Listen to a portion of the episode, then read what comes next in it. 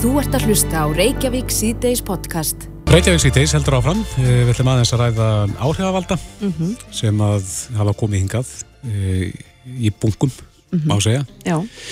En Björn Steinbeck e, skrifar aðtilsverða grein e, sem að byrtist inn á vísi.is sem að byr fyrir sögnuna anskotans áhrifavaldar og drónaskapur.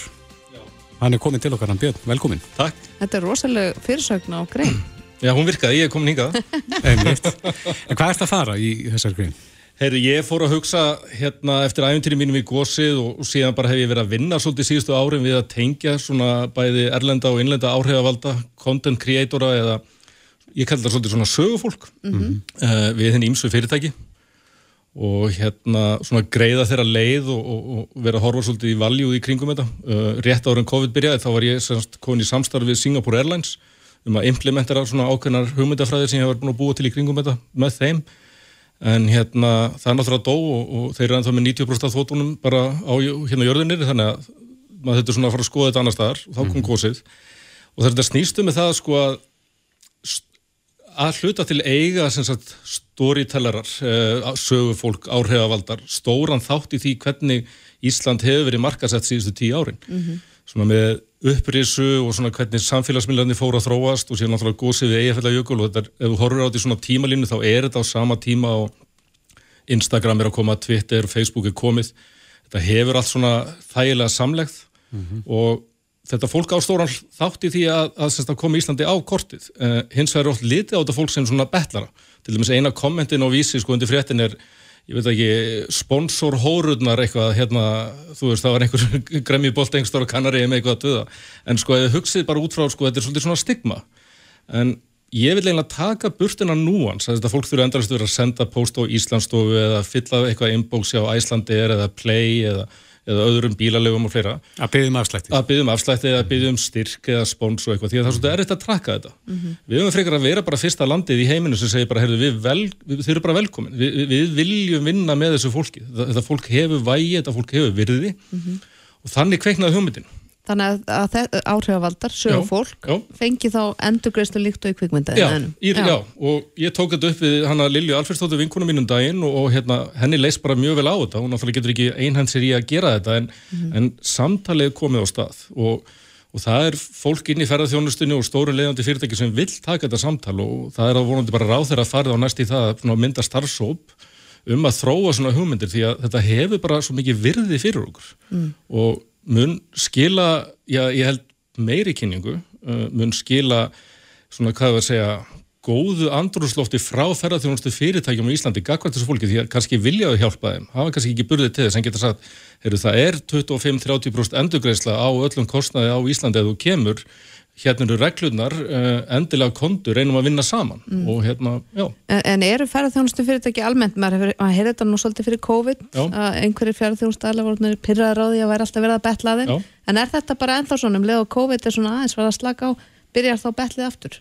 Já, alveg eins og fólk eru bara komið mikla ferða þrá mm. tegndafólkar mín er að koma sérna heim í næstu ykkur frá spánu og það er allt fullt þannig að hérna alveg saman með þetta fólk, þessa, þessa, þessa content creator og þessa áhrifavalda, þau vilja náttúrulega fara að ferðast aftur og, og Ísland er þar mjög ofalega á bladi. Mm. Hvað eru þessir áhrifavaldar að stíla miklu? Er þetta að reikna þá út? Þess að þeir byrta eru með marga fylgjendur og einhverju vantilega að koma hingað í tjálfarið? Já, ef við tökum bara, ef við horfum bara á eins og með gósið, það er svona nærtækt fyrir mig að fjalla um það út, út, út frá því hvernig sko, mín svona veröld breytist, mm -hmm.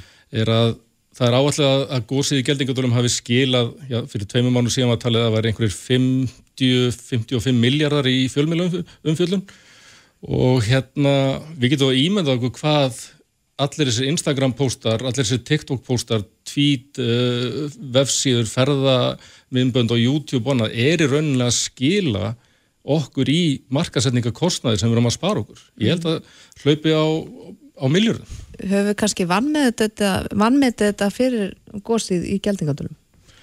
Kannski ekki vannmið þetta en þetta er náttúrulega svolítið svona nýr yðnaður. Uh, alveg eins og þið sjáu bara sprengingun í podcastum. Þetta gerist á einhverjum einu og hálfu ári hérna á Íslandi.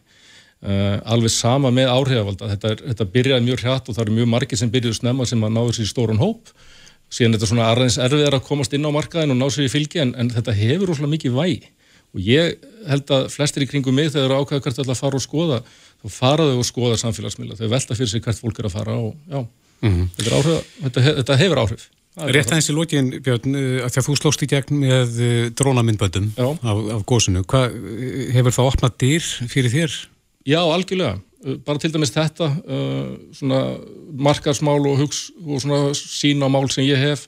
Nún er ég búin að fara alveg þeirra og átt. Nú er ég að taka svona íslenskan yðnað fyrir. Mm -hmm. Ég er að vinna náið með síldavinslunni um að mynda sagt, með drónum og um borði í skipum hérna lónuveðanar. Mm.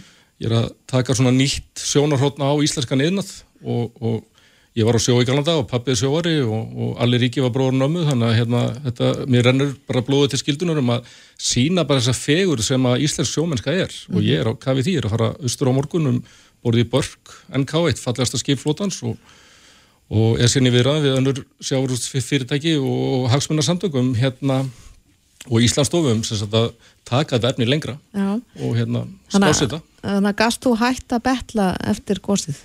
Nei, sko, ástæðin fyrir ég byrst þetta í gæri var náttúrulega það að sko, það var haft samband við mig frá Visit Reykjanes uh, í fyrradag þar sem ég var beðin um að taka saman myndefni og búið til eitthvað ríl og eða einhverjum tíma í það og, og láta þau fá út af því að gósið, sko, það er eins ás ammali. Mm. Ég hef aldrei fengið neitt frá þeim, þau hef aldrei ringt í mig og sagt, heyrðu, takk fyrir að hérna, allir þessi klukkutíma sem þú settir í þetta gós, takk fyrir að fara í allir þessi viðtöl, takk fyrir að tala vel um Reykjanes, aldrei fengið eitt einasta frá þeim, en allt í núna sko tæpla árið setna þá er ég fara að vinna fyrir þau frít mér finnst það eiginlega bara soldin móðgun sko. Ég hef alveg efna á því að láta heyri í mér og segja það. Það er fullt af fólki að núti sem er að vinna í þessu sem að er kannski ekki og getur ekki bara tekjulega segja tekið þann slag en ég er alveg meir en lítið tilbúin til þess. Mm -hmm.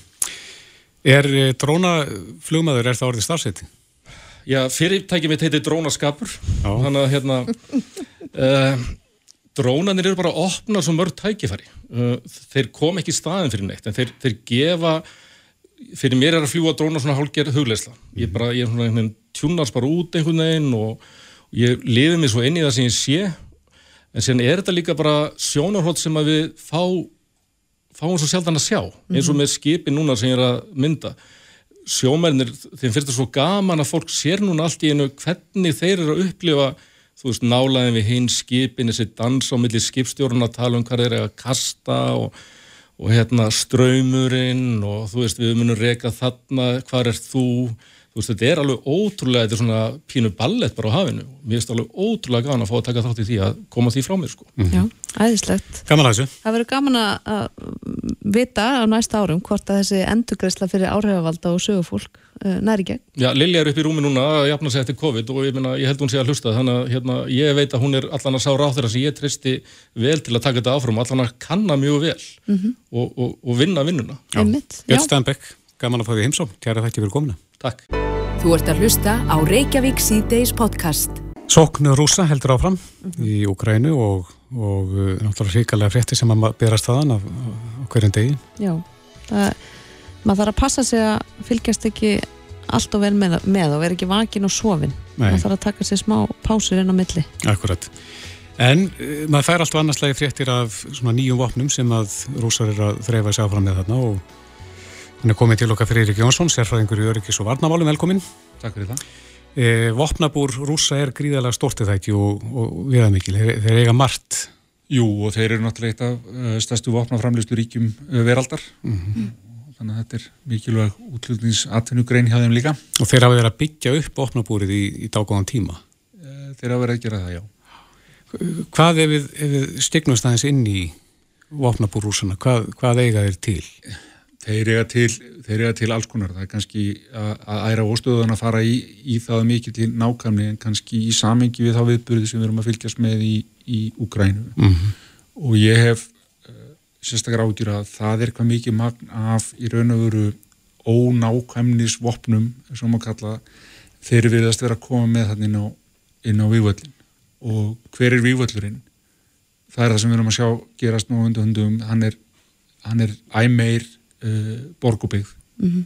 uh, þar að segja manna, þar, sem, þar sem fólk er þeir endu í, í fyrstu voru, voru náttúrulega hernaðileg skotmörk en þeir eru æg meira að færa sig átt að því að beita meira og meira vopnavaldi á borginnar og miða við þau vopnakerfi sem þeir eru með á ferðinni þá er full ástæði til að hafa verulegar áhyggjur af uh, falli óbreytra borgara. Mm. Mikið af þessum kerfum eru, eins og segja, ónákvæmnisvort, frekar ættu til notkunar gegn herrfylgjum á ferð í, á, í svona stöðum þar sem í raun og veru herr mætir herr mm -hmm. til að nota gegn eh, einmitt hernaðlegum skotmörkum en þegar þú ferð að nota þetta í, í borgarlegum kurvi e, e, þá er þá verður að gera ráð fyrir því að, að, að fall óbreytara borgara getur orðið gríðalegt það verður að, að hérna, notkun þeirra á nákvæmnisvopnum er, hún verðist ekki vera mjög mikil en það sem við þó séða því við tökum til dæmis dæmi að þessi kalíberflög sem fór á stýriflög sem fór í ráðhúsið í Karkif mm -hmm. það er nákvæmnisvopn það er með tölvöld mikla nákvæmni það er ekki að horfa það uh, með einum öðrum hætti heldur en að segja þetta var viljaverk, þarna var mjög ymbyttu brotavilja á ferðinni. Þannig að henni var stýrt á þennan stað henni var stýrt á þetta skotmar, það er ekki mm -hmm. raun og verið hægt að nema þeir þá játi það heyrðu stýri stýribúnaðu flögarinnar og, og, og, og stýri kerfið mm -hmm. það er bara eitthvað bilað mm. uh, eh, hitt sem þeir eru að nota og það sem maður sér hérna er tölvöld mikið af því sem kallað er á ennsku thermobaric weapons eða hér kallar svona ímest nota eldsprengjur eða þrýstilóttsprengjur mm -hmm. það eru uh, sprengjur sem nota eldsneiti uh, til þess að kveikja í súrefni mm. sem hefur þá þau áhrif að þú ert með fyrstu áhrif og önnur áhrif og jáfnveil þriði áhrif af uh, bæði sprengjubilgjunni og hvaða áhrif sprengingin hefur mm. Uh, þessar þrýstilóttsprengjur eða eldsprengjur uh, þar kveiki súrefni oft er þetta í tveimur stígum þar að segja að það er fyrst er skotuð upp eldsneiti í sleðslunni eða sprengi í sleðslunni og nummið tvö síðan er kveikt í henni fyrst að gerist er að það dreifir eldsneiti eða svona fínum úða mm -hmm. sem síðan er kveikt í og við það að kveikni í þessu þá kveiknar áfram í súrefni sem sígur allt súrefni í loftinu í kring á, á stóru svæði inn í sprenginguna og bætir síðan í hérna, sprengi bylginu út frá þessu þannig að þú fær tvöfald áhrif, þú fær sprengi bylgu en líka það, það sígur frá allt súrefni mm -hmm. uh, þú brennur, þú kapnar þetta er, þetta er, þetta er mjög ógeðfælt vopn og þetta er svo, svo kallar ónákvæmnisvopn og þetta er ónákvæmnisvopn og það mm. er því horfið á til dæmis sjáið hérna uh, beltabíla með svona greinilega fjölskota kassa ofan á sér mm -hmm. 20 skotflögar þá er það mjög svona uh, vopn. Og þegar þú hleypir þeim að stað þá ert á miðaðin bara almennt á ákveði svæði og eigðileggingin verður algjör og það er engin, það er ekkit verið að gera greinar mun á milli uh, hernaðileg skotmann sem bara það sem í, verður í vegi þessara vopna, það er eigðilegst alveg saman hvað það er. En það eru reglur í stríði, eru þessi vopni eins og þessar þörmalsprengjur eins og nefnir, eru er, er þetta leifilegt í stríði? Það má ekki náttúrulega nota efnavort til þess? Jú, þetta getur verið leifilegt í, í, í svona hefðbunni stríði átækja melli herrfylgja og svo framvegis uh, og nú skulum við einmitt átt okkur af því að, að, að bara þessi vopn eru undir engum kringustæðum eru þau neitt sérlega geðsleg mm -hmm. uh, en notkunn þeirra hvar þú ert að nota þau og það er ofta sem hefur verið reynd að, setja reglur um hvaða vopn ert að nota uh, hvar, gegn hverjum Eh, það er reynd að setja, við erum reynd að setja reglur um það, til dæmis svo kallar hérna svona klöster hérna sprengjur mm -hmm. klasasprengjur klasasprengjur, mm -hmm. oft jável bannaðar en samt, svo er samt verið að nota þetta og fyrir er alltaf svo að rúsar hafa sínta þeim er, þeir láta sér þessar takmarkanir oft í léttu rúmi líka mm. svo geta menn sko, komið sér undan því að segja ef þú ert að elda hriðjverkamenn og að, hérna, að þá getur, að, að þá getur varið, varið það fyrir sjálfum þegar þú sett að nota mm -hmm. svona vopn og þannig að Þannig að það er hægt að búast við hverju sem er í rauninni Já, þegar þú ert farin að nota svona í borgarlegu umhverfi og, og, og sérstaklega þarna í, í, í, í Ukrænu uh, og reyndar hvar sem hefur áður, ég menna rúsar á að nota svona, nota svona í Sílandi gegn ISIS í Uh, fyrir ekki neyta að bandrækjumenn hafa notað, notað svona vopni í einhver leiti í, í baratu við Talibana í Afganistan. En þá yfirleitt og því að þar er beinlinni smarku og það eru mjög, mjög skarpa reglur til dæmis á bandrækjumenn um notkun á vopnum í þar sem þú er möguleiki á borgarlegu falli. Og einmitt mjög alvarlegt fyrir bandrækja hermenn ef þeir eru gripnir við það að hafa ekki farið sem, sem finnst þetta kannski hjákáttlegt sko að þú ert í stríðu, þú ert að beita svona vopnum og þá ertu bara alltaf vondikallin en nei, að hjá uh, bandrækjumannum og reyndar hjá flestu öllum á Vesturlöndum, að hjá öllum vestrannaríkjum þá gilda um þetta mjög skýra reglur. Þannig að ef að hér verður uppvís vestrann hér verður uppvís að því að beita svona vopnum uh, utan ramma uh, laga og regna eða hvar þú meir beita þeim og hvernig að þá getur þú endað fyrir herrétti og verið stungið í verið stungið í vangelsi mm -hmm. það er bara þannig. Hjá rúsum ekki alveg eins. Nei. Þeir spila eftir öðrum leikreglum Þeir spila, já, það er, það er aðeins það er aðeins öðruvísi hérna, virðist vera aðeins öðruvísi hérna, dagskrá þar mm. og eins og sé, þess vegna veldur að manni svo miklu mágjum að þeir eru að koma að eiginsögn eru þeir að koma inn til Úkrænu til þess að frelsa Úkrænu frá uh, frá nazistum og dópustum mm -hmm. uh, eins hjákallega á það, þannig hljómar uh, að hérna og svo ert að kerja yfir landamæri með þessu vopni broti fylkingar hvernig fer þetta saman? Mm -hmm. hvernig, hvernig, hvernig þú að skilja það þegar, þegar það eru vopnin? En þá er náttúrulega kannski tilgöngurinn að því að fólk þekkir þetta og veit hvernig þetta virkar að það er til þess að ræða fólk til þess að gefast upp. Ef þú gefst ekki upp, ef þú fer ekki að fagna okkur sem frelsandi englum að, að þá er þetta sem við ætlum að nota þig. Hvaða mat leggur á framgang stríðsins núna? Þeim hefur gengið bröðsulega kannski sem betur fyrir en, en hvað gerist núna? Og, og, og hérna það er greinlegt allavega á, á, á, á lægstu stígum í, í hjá rúsnaka hernum að þá er, er stríðsandin er ekki mjög góður uh, Margi, uh, margar fréttir náttúrulega um það að, að þessir ungu hermenn sem eru þarna farin fyrst bara veitir einlega ekkert hvað þeir eru að gera það þeir eru að verið blektir og annað mm -hmm. uh, stjórnunin virðist vera ekki nógu góðulegi heldur uh, og síðan er náttúrulega það sem er líkilatri í öllum svona öllum svona stríðum er hvernig er uh, hvernig er eftirfylgnin?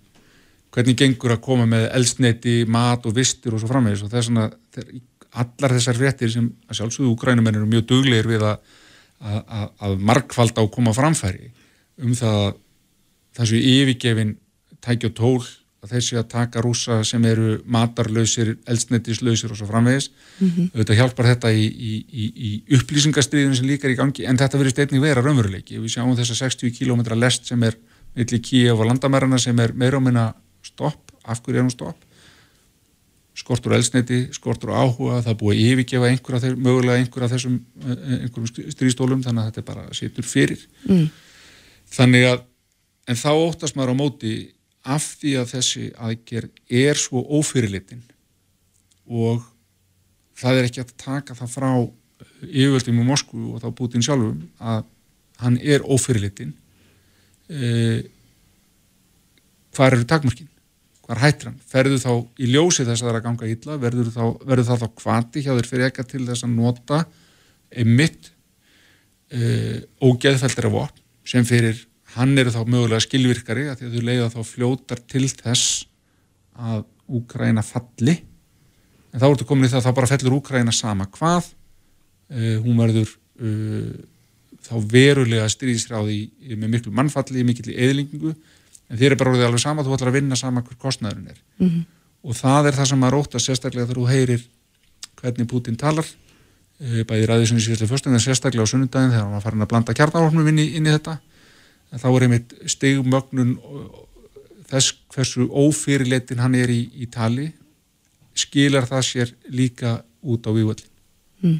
það er eitthvað til þess að hafa verulega rákjuraf Þannig að hann gæti í rauninni haldið áfram eins og segir sama hvaða kostar, eins lengi á hann þarf eða það sem að flestir vonaðan að... meðan engin stoppar mm -hmm. meðan engin stoppar hann þá er þannig að, þú veist, hvað þetta stoppan er, eh, ég en við, við vonum náttúrulega að aðgeri sem verður þær grípa til að fólkið í kringumann fari að að grípa til einhverja rástannis eða kostnærin rónum mikill fyrir rúsneska hækkerfið fyrir okkur í mannfalli með að tölur af mannfalli að þá er en nú ættur það er ekki hægt að treysta mikið samt þessum tölum en þó það mannfalli er miklu meira hjá rúsum heldur en hjá úgrænumönnum eh, það skilja sér heim hvernig lítur út? Við sjáum að það, það bætist í mótmæli í Rúslandi líka Er þetta að setja hann af? Það lítur að setja alltaf af, með hvernig er það gert. Mm. Uh, við sjáum kannski ekki alveg fyrir okkur hann standi núna upp á morgun og segja, heyrðu, vist að þetta var kannski tóm villið sem er, ég, hérna, ég byrst afsökunar og ég dreigði þetta allt tilbaka, ég sér það einhver fyrir sér. Á hann eitthvað út, útgöngu leið án þess að eh, já, svona, þannig að geti borðið höfuð hátt eða herra í það minnst Það er erfitt að sjá þá leið. Mm -hmm. Með það. Já, Freirik Jónsson, sérfræðingur í öryggis og varnamálum. Takk kærlega fyrir komuna og spjallið. Takk fyrir mig. Þetta er Reykjavík C-Days podcast. Reykjavík síðdeis heldur áfram. Eh, það hefur nú stundu verið eh, haldið fram að Íslandika séu vesti neytendur í heiminn ánast. Við látum allt yfir okkur ganga. Já, er það? Já, hefur ekki heist þetta. Já, hefur samt ekki batnað með árun? Við svona, við kannski hérna blótum ykkurum mm. vörum allt og hátt verða og sem við kaupum það samt. Já, já, kannski út að vera um eiga og við getum, ekki margar af valkosti. Nei, kannski ekki, ég veit ekki. En manni finnst við að koma inn svona aðeins grimmar í tótni í neytendarsamtökin? Já, það, þau byrtu allavegna og nafngreindu sjö fyrirtæki í dag, uh, svo kalla svarta söiði mm -hmm. og voru neytendur varaði við að vestla við þessi fyrirtæki. Breki Karlsson, formað neytendarsamtökin er komin, velkomin. Takk. Akkur ákveða að fara þessa leið að búa til dosalista? Um, sko, þetta eru, við erum bara að byrta í rauninni lista Eh, yfir fyrirtæki sem ákveða að fara ekki að úrskurði kærunemdar vöru og þjónustukaupa. Mm -hmm. Er það aldingt að fyrirtæki getur það ekki? Nei, það er nefnilega ekki, það er mjög sjálfgeft uh, og sko í uh, vel á, uh, kærunemdin hefur starfað í um tvö ár núna frá áramótum 2020 mm -hmm. Og úrskurðað í vel á þriðja hundrað mála ef ég mann rétt þaraf eru uh, einhverjum var vísa frá um það byrj þriðjungi og þriðjungi um það byrj hérna, uh, var dæmt eða úrskurðað seljandum í vil mm -hmm. en í uh, 65 málum var úrskurðað neytendum í vil mm. af þeim málum voru sjö fyrirtæki sem undu ekki úrskurði þessara kjærnendur þessi kjærnendur er sjálfstæð Uh, neindandarsamtökinn tilöfna einn fulltrúa, uh, ráðuneytið tilöfna einn fulltrúa og atvinnulífið einn fulltrúa. Mm -hmm. og, og, og hérna hún hef, kemst að þessari niðurstöðu uh, í 65 málum. Þá dæma þeir, eða úrskurða þeir neindandæfil mm. og sjö fyrirtæki ákvaðu að fara ekki að þessum úrskurði Og hvað, og þess, þessir úrskurðir þessar sjö fyrirtæki eiga þá sammeilagt að það átti þá að greiða neindandum eitthvað tilbaka? Já, já mm. allt frá 20.000 krónum og upp í uh, ja, 1,1 miljón oh.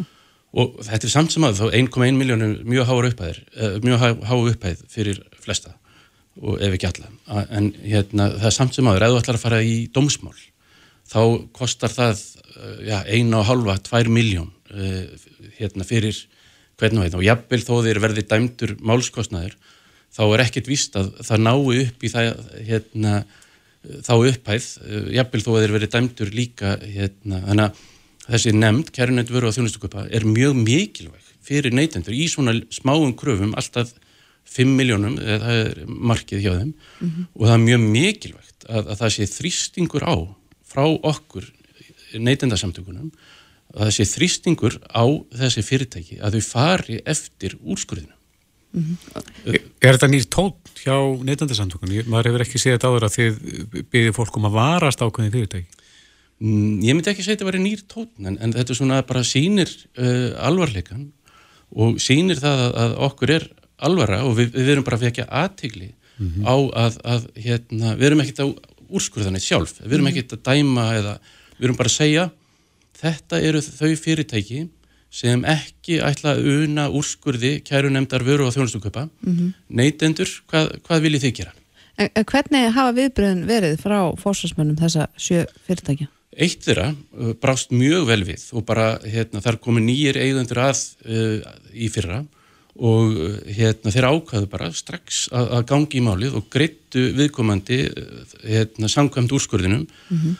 Sem eldri eigendur hafðu hafnað að, að, að greiða Já, það er Ormsson. Ormsson og mm. umsmjögulegst þá bara fögnuðu við því og, og tókum þá úr skamálkróknum og, og hérna bara fögnuðu því að Ormsson hafi uh, hérna farið eftir þessum dómi og, og hérna hvetjum önnur fyrirtæki að fara þeirra fordæmi og og telum þetta að vera mjög gott fordæmi sem uh, fyrirtækið uh, gefur og, mm. og hérna og eitthvað sem, sem hérna, hinn fyrirtækin ættu að, að, hérna, að skoða að gera líka. Hefur þið fengið viðbröð frá hinnum fyrirtækinum? Já, já, við höfum fengið hérna, við fengið simtölu og hérna töluposta frá, frá þessum sex? Frá einhverjum þeirra, já, ekki mm. öllum en og, einhverjum þeirra. Og hvað eru menn að vilja þá?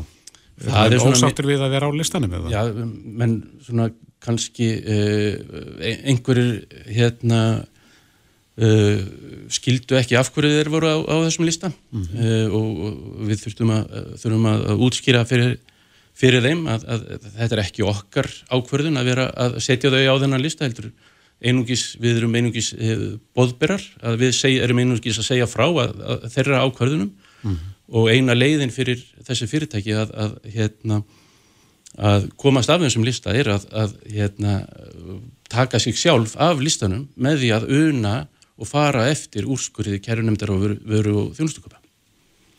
Þetta er, eh, þessi sex fyrirtæki, þetta eru mismöndi fyrirtæki? Já, já, þetta eru fyrirtæki í ferðaðiðnaðinum, þetta eru bílalegur og svo eru þetta svona verktakar. Mm. Og, og eins og ég sagði, sko, þetta er allt frá uh, 20.000 krónum sem eru náttúrulega ekki háar upphæðir fyrir einn eða einn og upp í 1,1 miljón. Mm -hmm. en, en hvernig hafa neytendur tekið þessu? Mjög vel og við höfum hérna bara sjaldan fundið eins, fyrir eins miklu meðbyr með nokkru máli eins og, eins og með þessu. Mm -hmm. uh, Vilja neytendur að þau gerir meira þessu að, að vara fólk við fyrirtækjum? Já, já augljóslega, það er allavega hérna, kallað eftir því að við, við stöndum vörð mm -hmm og, og hérna, fyrir neytendur og við verðum að gera það sem neytendarsamtök að, að standa vörð hérna, fyrir neytendur.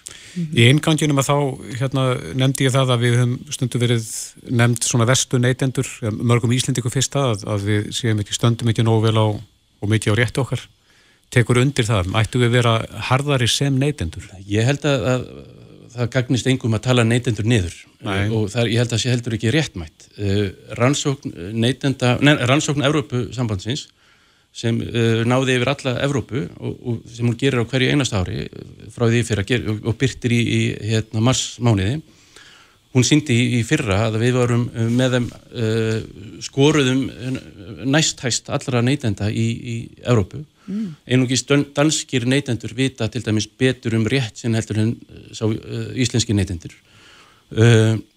Við höfum mikið tröst á, á neytendasamtökum, hérna, það var 80% tröst á neytendasamtökunum.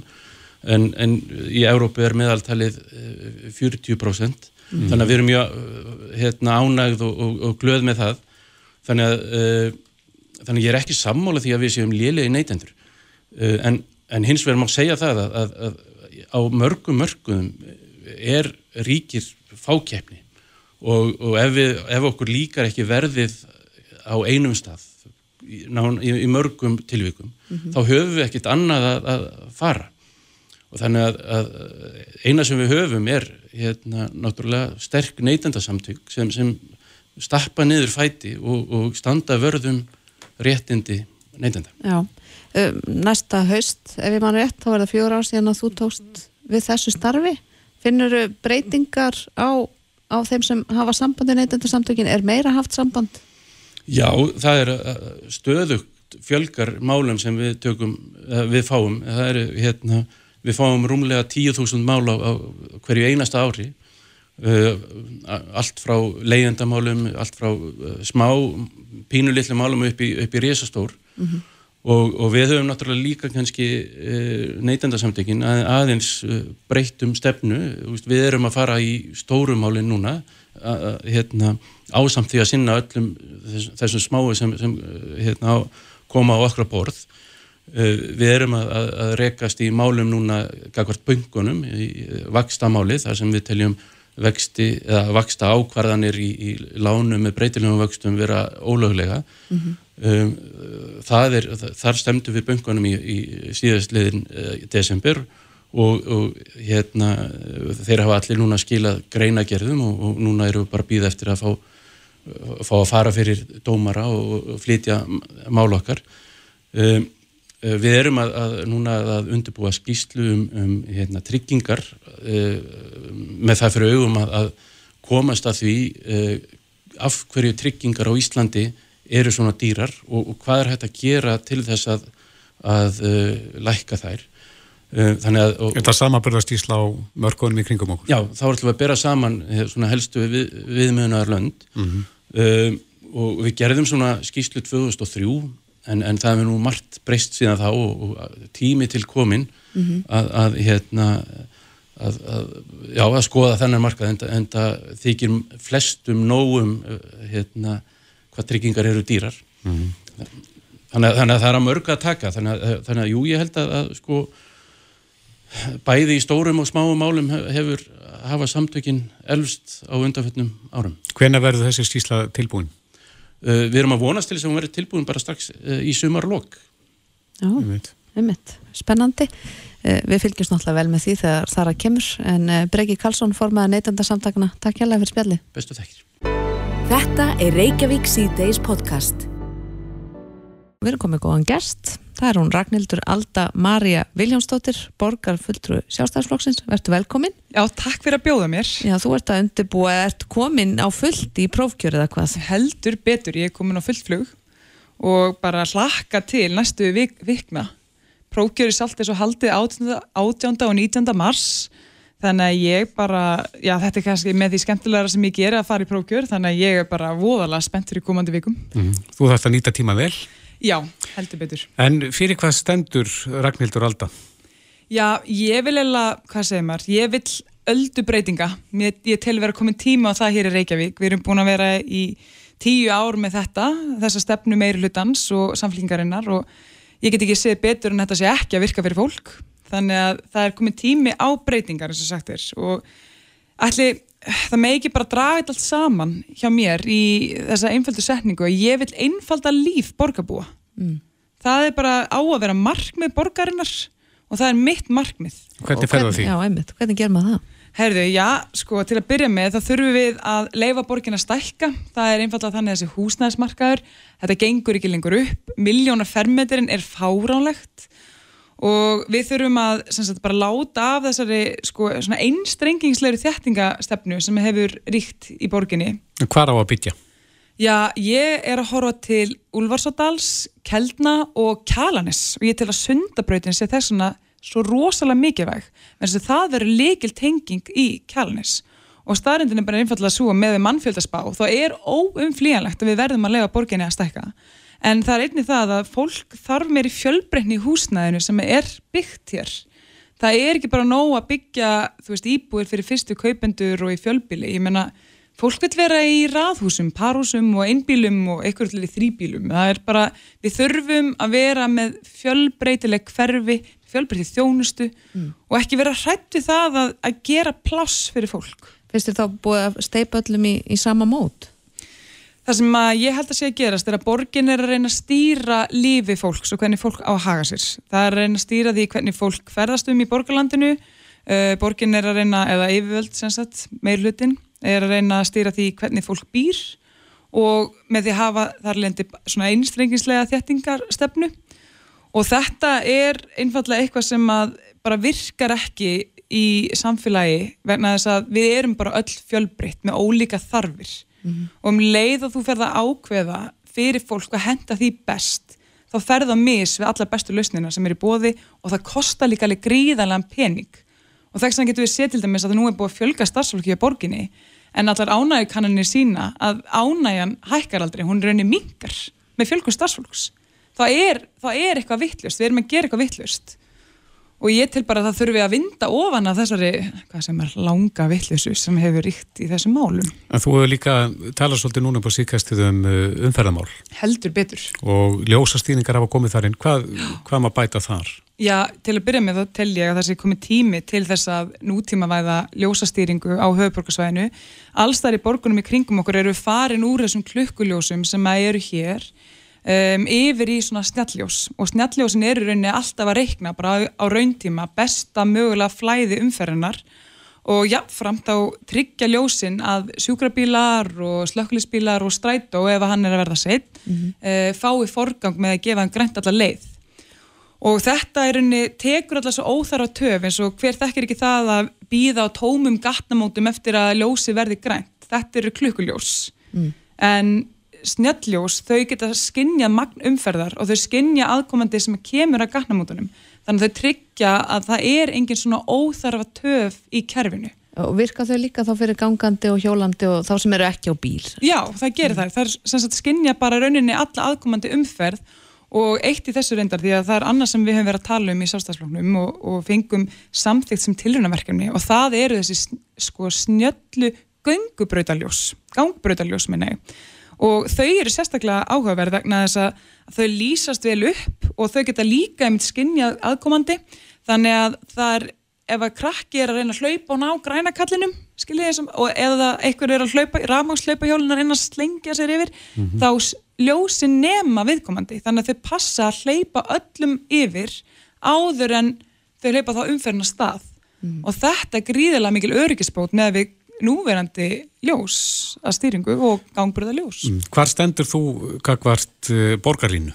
Já, ég tel að við þurfum svolítið að endurskoða hvernig við ætlum að nýta þessa fjárfæstingu því að starrendin er einfallega svo að við erum að fara, það stefnir í að við sem að fara að setja gríðalega mikið fjármagn í það einfallega að breyta gödumyndinni til þess að hafa borgarlínuna miðjusetta þegar við getum í rauninni haft hann til hægri, haldið sama leiðakerfi fyrir miklu minni pening og byggt hana upp á miklu skjótari tíma. Mm. Þannig ég segi bara, sko, það hlutur okkar stjórnmálumanna að tryggja þessi skinsamlega að vera að fara með fjö og ég kannski er bara ákveð áhættu fælinn þegar það kemur að því að sísla með skattfjö skattgreðenda vegna þess að ég er bara mjög meðvituð um að það er alltaf eitthvað sem blæðir fyrir hverja fjárfestingu sem borginn fyrir í og ríkið. Það eru alltaf skattgreðendur sem er borga brúsan sko. þannig að mér finnst það bara að vera sko krafan sem er sett okkur sem tökum þessa ákvarðanir að tryggja að þetta er svo ákvarðanir sem að virka fyrir fólk og eru skinsamar Er ekki orðið á sent að endur skoða Nei, alls ekki, sko, alls ekki. Við erum sko þessi drög borgarlínu sem eru núna borðinu þetta eru fyrst og fremst drög. Mm -hmm. og samgöngusáttmálinn hann er ekki að tilgrena að það verða að vera þessi drög umfram önnur drög, alls ekki, hann segir bara herðu, meða við þessa stöðu hér þá ætlum við að fjármagna þessa samgöngu uh, bætur og það eru ímskunar, þú veist, það er líka íslengarnumút og hérna, snjall umfæraljósa stýring og fleira. Um, og ætla fjármagna það með ákunum hætti en það þýðir samt ekki að við verðum að setja x mikið peningi þetta og x mikið peningi þetta. Það er nefnilega annað sem þarf að hafa huga í þessu er að við þurfum að byrja því að leysa vandamál dagsins í dag. Það er gott að hafa framtíðarsín en við þurfum að gera eitthvað fyrir fólkið sem er að ferðast um í umferðinni einn og hálfa tíma kannski mm -hmm. til og frá til að skutla krökkunum, fara í vinnuna. Við, þetta fólk, getur, þeirra líf býður ekki og við þurfum að setja fókusin á það líka við meðum ekki gleyma okkur í einhvern framtíðalustnum sem að eru ekki að leysa þetta vandamál fyrir neftir 10-15 ár sko. mm -hmm. En hefur stefnan í borgin ekki verið einmitt að, að eh, sko gera borgarlínu físilegri með því að eh, svona heftaðum fyrir hennum á sig? Jú, ég meðal að Kói Skíslan sem að hérna þessi eh, borgarlínan sérstaklega þessi útfærslega sem tilgændi, hún segir, segir náttúrulega að tæknasið er ekki fossendur fyrir því að byggja borgarlínu í Reykjavík bara vegna þess að við erum ekki nóg mörg og byggðin er tilturlega dreifð allir eru með svolítið góðan garð þannig að margir sem við náttúrulega elskum. Við erum í hrifin og görðanum okkar, við Reykjavíkingar. Um, og, og svo þarf að vera ákveðin fjöldi túrista hérna, líka til þess að þetta rauninni svona fjárhagslega um, stemmi. Mm. og bara, myndum aldrei segja reyndra almenni samgöngur borgið sig en þú veist, er ekki allt og mikið tapi í rauninni. En þetta er líka bara vegna þess að þeim er sagt við viljum fá þetta miðjusett. Það eru náttúrulega margar mögulegar útfæslu til og eitthvað sem kannski hendar fyrir eitthvað borg annar staðar er ekki endilega að vera það sem hendar best fyrir okkur í Reykjavík. En á ekki vera stefna að draga úr bílanferð? Jú, það er bara yfirlið stefna borgarinnar að, draga úr bílanferð Ég segi bara að það er okkar að gefa reykvingum val. Það er það sem borgin á að gera. Við eigum ekki að vera að stýra því hvernig fólk vil haga lífið sínu að vil ferðast um við eigum bara að gefa þeim góða valkosti og svo ef að fólk vil sjálft segja, herru, nei, mér langar að leggja bílnum hérna eða ég held ég þurfi bara einn bíl að þá er það eitthvað sem að við getum bröðist við með því að bjóða þeim upp á aðra valkosti. En, en einna valkostunum á að vera það ekki alminni samgöngur og góðar alminni samgöngur? Jú, emmitt, en svo kemur þetta nefnilega að eins og staðinu núna með strætó þá hefur reksturinn verið það þungur að þeir hafa, drag, hafa þurft að draga úr þjónustunni. Mm -hmm. og strætó þurft að fækka stoppistöðum. Þeir hafa ekki náða að auka tíðinni stoppa. Við erum ennþá að býða í 15-20 mínútur jafnvel eftir næsta strætó þeir afnumdu næturstrætó sem var stúdendum og, og hérna, bæjarförum til mikil sama og það er svolítið áhugavert við þetta að, að borgarlínan sama hvernig útfærslan á að vera um, ásamt að fara í gennum höfbrukarsvæði svona svo snákur. Og ef að strætó er ekki til staði til að fæða hana hérna, farþegum úr hverfunum að þá mun hún ekkert virka sem skildi þannig að árangur borgarlínunar óháð útferðslu er alltaf svolítið bundin í árangri strætó. Mm. og við megum í rauninni þar, þar lend ekki gleyma því að ef við erum með strætó núna sem er ekki ná að bæta eða efla þjónustunum sína þá er það það mun ekki skipta neinu máli hvernig borgarlínu við byggjum þannig að þetta er líka eitthvað sem við erum að muna ef við ætlum að bæta almenningssamgöngur þá þýr ekki að segja já bara þessi leið verður góð en hín er vel að drasl sko. Þannig að þú ert í rauninni hlind borgarlínu en þú vilt útfara þetta öðru að almenningssamgöngur er hildsinni Já, ég mm. segi bara tökum þessa peningar sem við erum búin að ákvæða að rástafa í dýrulínuna um, förum í miklu ódýrari línu sem að virkar jafnvel og fyrir gennum sama leiðakerfi en notum þessa peninga til að tryggja það að þetta spila allt saman mm -hmm. En uh, myndast nú á fjölskyldur í landinu að gefa þeim uh, valkosti mm -hmm. uh, það hefur mikið verið rætt um leikskólamál mm, í Reykjavíkuborg Hva, Hvað er í gangi í Reykjavíkuborg þegar það kemur á leikskólamálum? Hérna, það er bara ótrúlega þegar maður situr með vinkonu sínum sem eru flesta nú að barnina aldrei og það eru bara að deila ráðum um hvernig þú átt að reyna að komast inn í leikskóla það er bara, herðu, ertu einu sko ólétt? Það var eitt af því fyrsta sem að stelpuna sögðu veðin eftir við óskuminnin til hamingju. Það er bara, herðu, ertu búin að setja að bygglist eftir leikskóla? Mm. þetta er bara stór förðuleg aðstæða sem er komin upp í leikskólamálum í Reykjavík. Og það er bara einfallega svo aðstæða að við erum bara búin að fara svo langt aftur og við, það er bara miklu erfið að fá plást núna en var að því við erum búin að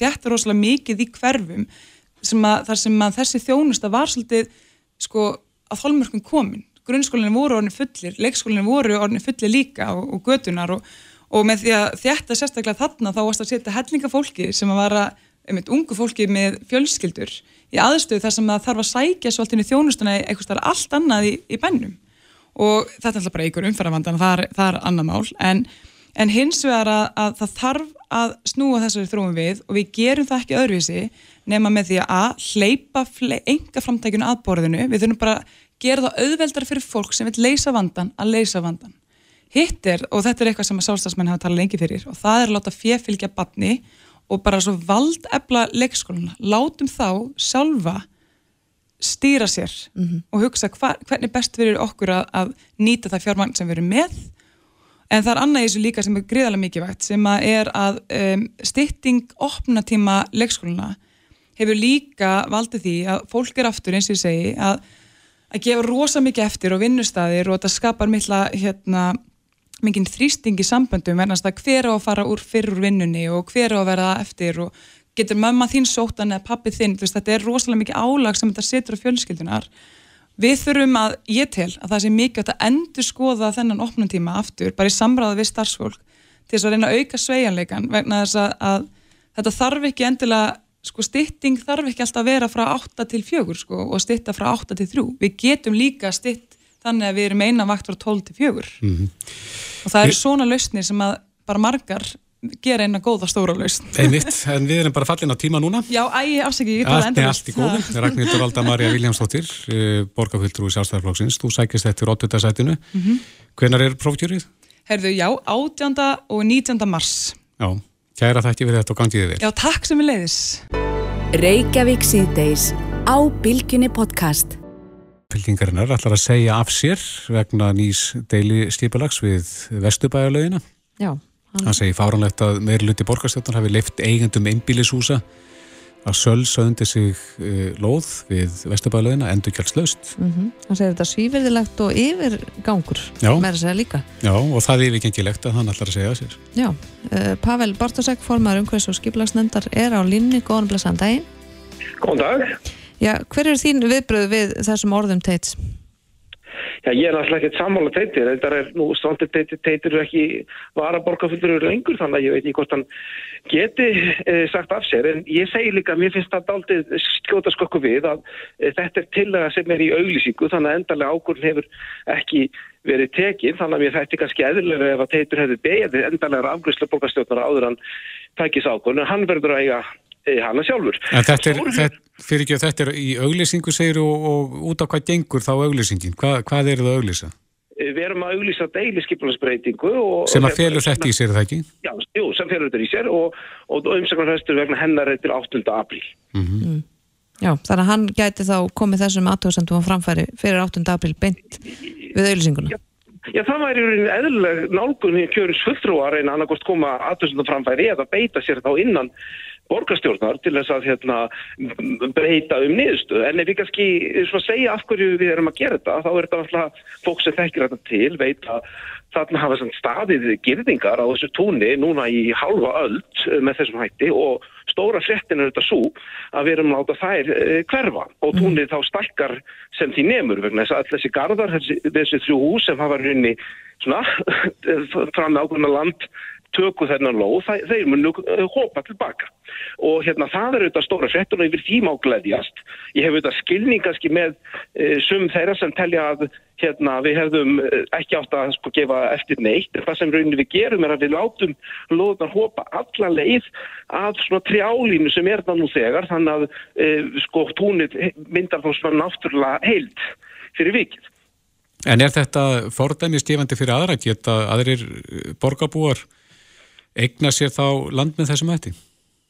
Það tel ég ekki vera, þetta er hvert mál uh, ólíkt en í þessu tilfelli þá, þá var þetta deila sem var búin að vera í hérna fimm uh, áratví eins og ég segi og ég held að uh, domstóra leiðin sem hefur þá verið að fara í hart og reyna að fá í rauninni þess að þetta nokkra metar til viðbótt, hún hefur þetta líka geta farið ákveð veginn sem er, tekið tíma og verið kostnarsum. Mm. Þannig að við metum það að ákveðin gæði fólkin þessar sátt að geta einhvern veginn kláramáli með þessum hætti. En teitur bendur réttilega á að loðaverð á þessu svæði sé hansi hátt og þarna sé rauninni verið að gefa fólki svæði. Er það í lægi?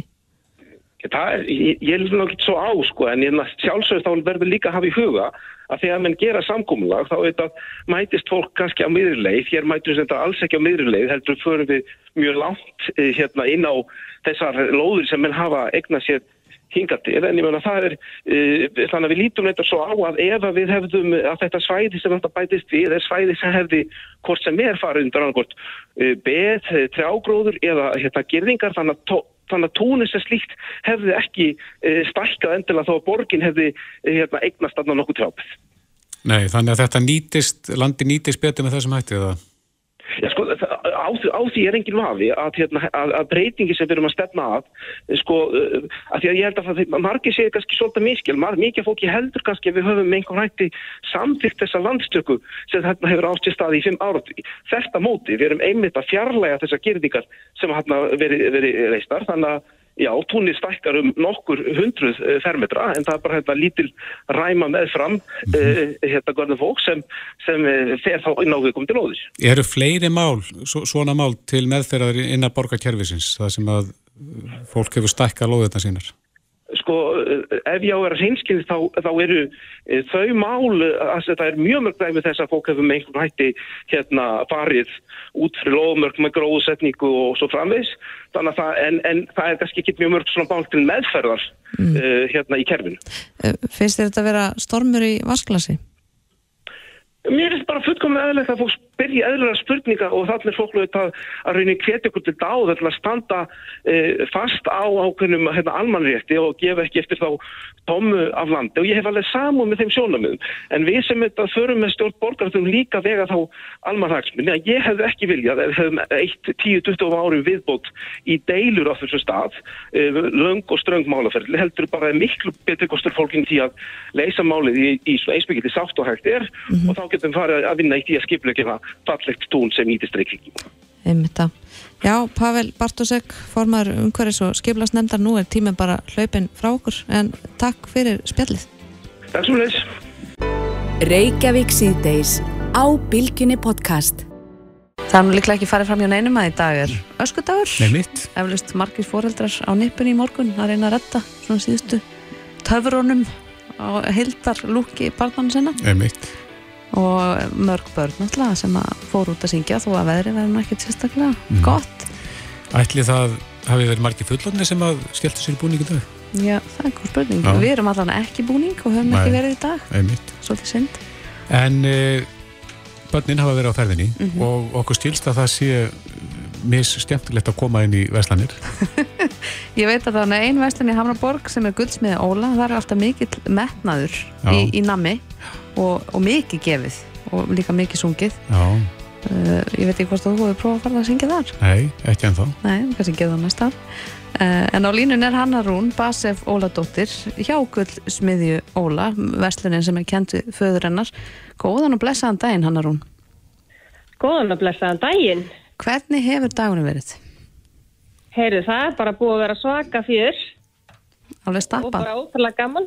Mm. Já, þetta er búið að nokkur hundru krakkar að koma og syngja hérna. Já, er það rétt að þið bjóðið aðeins betur en margir aðrir? Uh, þetta er allavega, það er mikið úrval. Já, Mamma og pappi þau eh, hérna taka öskudeginu mjög alvarlega og sjá alltaf til þess að það sé nóg handa öllum alveg til lókunar. mhm. Og Það hvað er, Aldrei miðið eftir klukkan. nei, hvað fá börnin fyrir að koma og syngja? Það er svolítið misjámt. Við höfum sko krakkarnir sem eru að koma svona sitt partir svona nær fimm sem eru koma úr leikskólanum. Þau fá svona aðeins meira en þetta eru einhverjar hvað 14-15 gerðir á nammi þannig að þau eru að fá svona Vá. frá tveimur en svo eru krakkarnir að fá kannski upp í svona áttamóla. Mm. Já, ég, Svona ég, karmelur og sleikipinnar og svona. Ég er nú kópásbúið þannig að ég kíkja alltaf á Instagramið á Hönnur Rún uh, á, að mótnu öskudags til þess að sannfæra börnin mín um að þarna sé góða staði til að syngja Guðsmið Óla og þú byrtir alltaf myndbrot af því sem þið bjóðu upp á á Instagram Já, ég, hérna, ég er náttúrulega í því erfið að jobbi að smakka, smakka nammi. Maður þarf náttúrulega að hafa hreinu hvað þetta er þegar krakkarnir spurja. Já, þetta er svona auka álag þannig að ég er svona í því að smakka þegar ég er að setja þetta fram þannig að ég hérna tek alltaf deg, deginu fyrir að, að hérna stilla þessu upp já, smakka þetta til. Smak- Já, það vita ég lægi með þetta Já, en uh, hvernig hefur vinsaldalistin verið í dag? Það er að segja, hvaða lög eru vinsalust?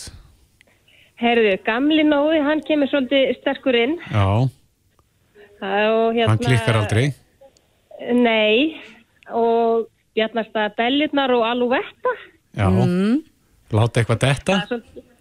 hva, hva, Já, Já, eitthvað þetta sko. Þannig En að, svo voru nú nokkur skemmtilegu og rapp og svona sem við fekk, fengum líka. nú, eitthvað frumsamið kannski? Nei, ég reynda þekkt ekki þessi röpp en þetta er svona eitthvað af þessum nýju lögum í dag. Ok, þannig að þetta kannski breytist ekkit óbúslega mikið það koma kannski bara nokkur inn á, nýja á hverju ári en þetta er svona sömu lögin ári eftir ári eða hvað? Já, þetta er svolítið, eins og seg, gamli, hérna, gamli Nói og, og hérna Alouette og, þetta en, en það koma, eins og seg, það koma svona einhver nýju lög og svo hef ég stundu fengið brandara líka og, og dansatriði. já, getur þú laumað einum brandara sem þú heyrðir í dag? Uh, við reyndar fengum engan brandara í dag Nei, en ég hérna, en í fyrra, þá, við vorum með í fyrra þrátt fyrir COVID við ákveðum að hafa og þá kom nú einhverju brandarar. já, ég ætla ekki að ætlast þið svo munið þá frá því fyrra. En, Nei, það var líka eitthvað svona frumsamið sko. já, akkurat. En eru, eru Eurovision-lögin eitthvað farin að heyrast núna? Nei, ég hef nú ekki heyrt neitt Eurovision lag. Nei. Nei. E- En búningarnir hannar hún, hvern er þetta að meta þá? Er, er mikið verið í heimasveimiðu eða er þetta mest keift og er einhverja fígúrur svona sem standa upp úr? Uh, þetta er bara rosa mikið í bland Mm. og það voru nú hérna áðan hérna giflur, Kannistóðnir? Já. svona, svona kannilsnúðar og, og það eru búið að koma hérna stuparnir og, og alls konar flott. Já. Já, já. Þetta er Þannig að þetta hefur verið skemmtilega dagur. Þetta er, eru alltaf gaman að, að, hérna, að fá börnin í heimsókn. Já, alltaf gaman. Þetta er alltaf, þetta er svona einn af okkur uppáhaldstugum. Það og barnana. Já, ég, ég verði að spyrja það hannar hún út af, því að, út af þessum metnaði fullu veitingum. Er aldrei einn afgangur hjá okkur? Jú, það er alltaf afgangur. Þannig að þú græðir líka í kvöld og á morgun. Þannig að þú græðir líka í kvöld og á morgun og hinn og hinn og hinn. Já, já, eitthvað út apríl sennilega. Já, akkurat. Já, þetta má ekki fara til spillis. Nei, ég fæ mér, okkar, fæ mér einn hérna, móla með kaffinu næstu mánuði. Já, það, það er gott að heyra, það er gott að vita að þetta er í góðum höndum en uh, Hanna. Rún Basef Óladóttir hjá Gullsmið Óla við ætlum að kveðja núna að leifa að fara heima að borða meira nammi Já, takk. Takk fyrir spjallið í dag Fara takk sem er leiðir. Bless, bless Bless. Hlustaðu hvena sem er á Reykjavík C-Days podcast. um, Það var að styttast í kvöldmandi núna og ég veit ekki með þig Kristoffer en ég fæ aldrei leið á pítsu Nei, samanlæður. ég get alveg borðan út í eitt Mhm. og ég rakka augun í mjög forvitilegan þráð á Twitter í dag sem að reynda diva.is búið að skrifa upp úr Mhm. þar sem að uh, fólk var að rifja upp hvað var á heimabökuðu pítsunum í gamla dag, ég seti gamla dag í gæsalappir, að tala um fyrir svona 20-30 árum Já, já. það er svona kannski þessi verbúðar áhrif að fólk er að rifja upp eitthvað svona sem var þeim kært í barnæskunni Akkurat. en uh, mér finnst svona flest svörin það sameinlegt að það var tómasósa og Mhm. hakk inn í opn, kannski pilsubitar ekki ostur. jú, jú, það var einhver ástur en Já. hakki, virðist, hakki og tómasósa var í aðalhuturki. En e, pizzan er nú ekkert mjög gömul á Íslandi, já það. ekki svo, Og var það kalla pizza fyrst? já það er góð spurning við erum komið hér með mann sem getur svarað vonandi öllum okkar spurningum Flest um öllum. pítsur, flest öllu flest öllum spurningum um pítsur á Íslandi það er Línu Jakobsson sem að heitir líka bara Línur á horninu, velkomin Takk. Við vorum að lesa hérna í bók Hittumst á horninu Já. sem að hornið gaf út einmitt Já. og þar stendur nú að pizzan hafi verið kölluð eitthvað allt annað en pizza fyrst þegar að var byrt uppskrift í, í matreyslu bók það var heitar pressu kökur með áleggi Já. Það hefur auðvitað verið 75 eða eitthvað. Hvernig var þetta skoðað? Þetta er ekkert mjög þjált. Var eins og í flatbaka? Já, flatbakan var sterk Flatbaka var sterk. en núna í dag köllum við þannig bara pizzu Já. Ég veit ekki hvað íslenska nafni er yfir þessu. Nei. Ég man að því ég var plötusnúður einhvern tímann að þá bæði ég um passa einhvern tímann og þá uh, gerði ég DJ sko, ég var 14 ára fannst þú svo að tefa sitt í passan, ég var frá til London og góð blöður og þá var ég til opni og þá var búið til nafni plötusnúður Mm. í passan. Já, Svo það lítur að vera búið til búið, búið til eitthvað íslenskt nafni við þetta. Er það ekki bara flatbaka? Ég það er að flatbaka. Ég held að það sé bara viðkjönd. Já. Ég held að. En hornið uh, veitingastæðurinn, þið voru svona ákveðnir brautriðendur þegar kemur að pítsu Mhm. Gerða á Íslandi. Já. Ég man eftir því sko, pappi minn náttúrulega opnaði hodni, 79, ég var lítil krakki 11 ára og hérna og svona ymsa sögur sem hafa, verið sagða sem er skemmtilega einaði mig til dæmis að hérna þetta var bakað eins og brauð fyrst Íslandíkan vissi náttúrulega ekkert hvað þetta var Mhm. ég man afi minn, hann kallaði þetta ekki mat samt að hann opna hodni að hjálpa pappa sko og hún fannst þetta bara ekkert vera matur sko Nei. Margir líktir þetta við svona Mexikost skilur að setja á hérna tort, tortillur eða eitthvað svo leið sko Mhm. en þá var þetta bakað eins og bara bröð Mm. og uh, sem sagt osturum var settu fyrst svo sett sósan, svo var því fljótlega breytt sett sósan fyrst svo osturinn og uh, og já, náttúrulega bara það sem var til það var náttúrulega ekkert mikið til á þessum tímabili til að setja ón á pizzuna, það var ekkert í pepperoni á Íslandi Mhm. og uppskriftin er einmitt í bókinni fannst þegar að pappi fyrir til einhvern kjötina manns og þeir hanna pepperoni, búa það til Mm. á Íslandi En þetta var náttúrulega þekkt úti. þetta þekktist náttúrulega úti Já, já. en hugmyndin kemur þetta kemur allt frá Danmörku allavega nýra á hotni, hotni er svona þaðan frá og sem sagt pizzurnar koma þaðan Mhm. en þeir svo sem vissi ekkert hvað þeir voru að gera sko, þú veist, svo eitt pastarétti ég tagliatelli, nei spagetti tagliatelli það var allt spagetti á undan þú Ég sá, ég fyrir ekki. En, en var þetta kallað það sem að stendur hérna í bókinni? Ég man ekki eins og hvað, hvað stendur hérna. Þa, það stendur svo mikið sem, ég skal segja þetta aftur, um, pressugers kökur með áleggi. Já. Var þetta kallað þetta á sínu nei, tíma? ég hef aldrei heyrt þetta nafn Nei. Var þetta bara ég pizza hef heyrt frá... flatbökur Já. bara, svo fór þetta að koma náttúrulega í heimsendingar fljótlega eftir Mhm. Svo var náttúrulega eins og er á Íslandi ef ykkur gerir eitthvað sniðut, náttúrulega hotni var alltaf algjört success fyrst sko Mhm. og er náttúrulega ennþá brjólaði að gera alltaf í þessum pizzum. Fólk er rosalega mikið fyrir pizzur, fá sér pizzu Mhm.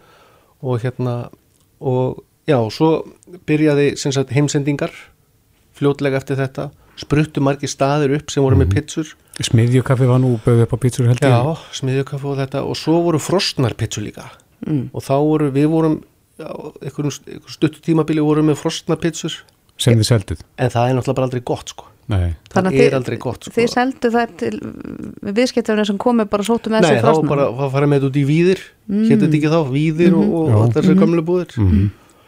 og hérna, já Einmitt. en pizzan er rosalega vinsæl Mhm. mjög eh, það- það- þetta er svona, fólk getur alltaf hendi í sér pizzu sko, Já, en ég segi það sama, það er ekki afiðin hefði, hann leita ekki á þetta sem mat. og ég veit um fleiri af eldri kynnslóðum sem að litu ekki á þetta sem mat Nei. þannig að kom það þá ekki á óvart þetta skipti slásun í gegn? Náttúrulega bara í unga fólkinu. Hotna var í miðbænum, var nýtt. Mhm. þetta var einna fyrstu veitingastöðun sem var með vínveitingalefi fyrir almenning. Skilur svo fólk að fara, fengi, fara að fengi sér pizzu og rauðvín. Mhm. svo kom náttúrulega bjórin og það er náttúrulega ekkert betur en pizza og bjór skilur þau svo þetta er, þetta er hérna, við vorum myndið að tala um þetta um daginn að, hérna, að þetta er náttúrulega þeir sem panta pizza er náttúrulega líka rosalega mikið tölvustrákandi sko, sem er alltaf í tölvunum á nóttina að lana og svona, þetta er náttúrulega slæri alltaf í gegn þar. Mhm. og það virðist vera nóg að gera í pizzabransunum Já, fólk, Íslendingar elska pizzur. Þeir gera það svo sannlega en þe- þegar við fórum að skoða svona árdaga pítsunar á Íslandi þá sér maður að eins og þú segir, það var ekki mikið til og áleggi var Og já. þannig að ég sá eina auðlýsingu í gömlu blaði um sko pítsu með aspas og róstbíf já, já. og já. aspas og vel. pizzu Er það? já, já, aspas er vitna pizzu Er það? svo skiptir náttúrulega máli hvort þú setur það á þegar hún fer inn í opnin skilur, eða eftir á Eða kemur út, já. og svo er sko, ég og til dæmis veiðifélaga sko, fyrir minn svona ára veiða fimm eða sex strákar og ég get, ég get aðanlega þessar fólk hvað vill á pizzu ég fatt það alveg strax sko það- yfirleitt, ekki testa mig núna Nei, ok en svona yfirleitt sko skilur, eða til dæmis pizza parma það Mhm. er með sko parmesan uh, parmaskingu og hérna og rúkkola Það er mjög gott. þetta, konur bara það er, Já, er- er- er það er mjög sjálfgett að að, hérna Mm. kallmenn fá sér þetta Ég finnst það ekki ekki. Kannski er ég bara svona en kvenlega. ég er að segja, þú veist, þetta er svona leikur skilur, þetta er Já, ekki já. alveg, alveg hérna, en, en þetta er skeið eins og ostapizza, það er líka rosalega vinsælt Með sultu? með sultu, Mm. annars er það, konur fór sér alltaf sultu og pizzu Ég er þetta, þú fólk ekki út á landi ostapítsu í gamla daga fekk sér alltaf pizzu með ananas nei, skinku ananas og nautahækki Mm. og koktelsósu Já, já. en það er algjört núna hjá ítölum sko En ananasin hefur náttúrulega verið mjög umdeldur Já, hér já. og, og Guðni TH fórseti Hann vor, vildi banna. Hann vildi banna ananas pítsu þann dag settum við pizzu með pepperoni og ananas á matserinn hjá okkur á hotninu og það kom ég mitt í djáf Já, já. Sló í gegn.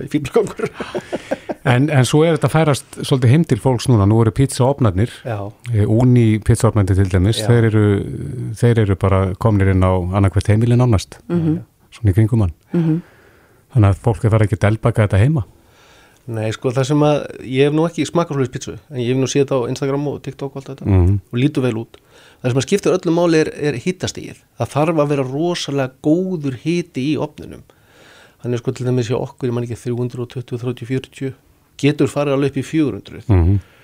og svo er náttúrulega ramagn eða eldi viður og þetta er náttúrulega bara smekksatriði sko. Einmitt. En það skiptir máli að hafa þetta heitt og ég veit ekki alveg hvað þessu opn, það er fara heitt sko. Ég held þeir farið 400. Farið 400? Já. Það var þetta sko telt. Já.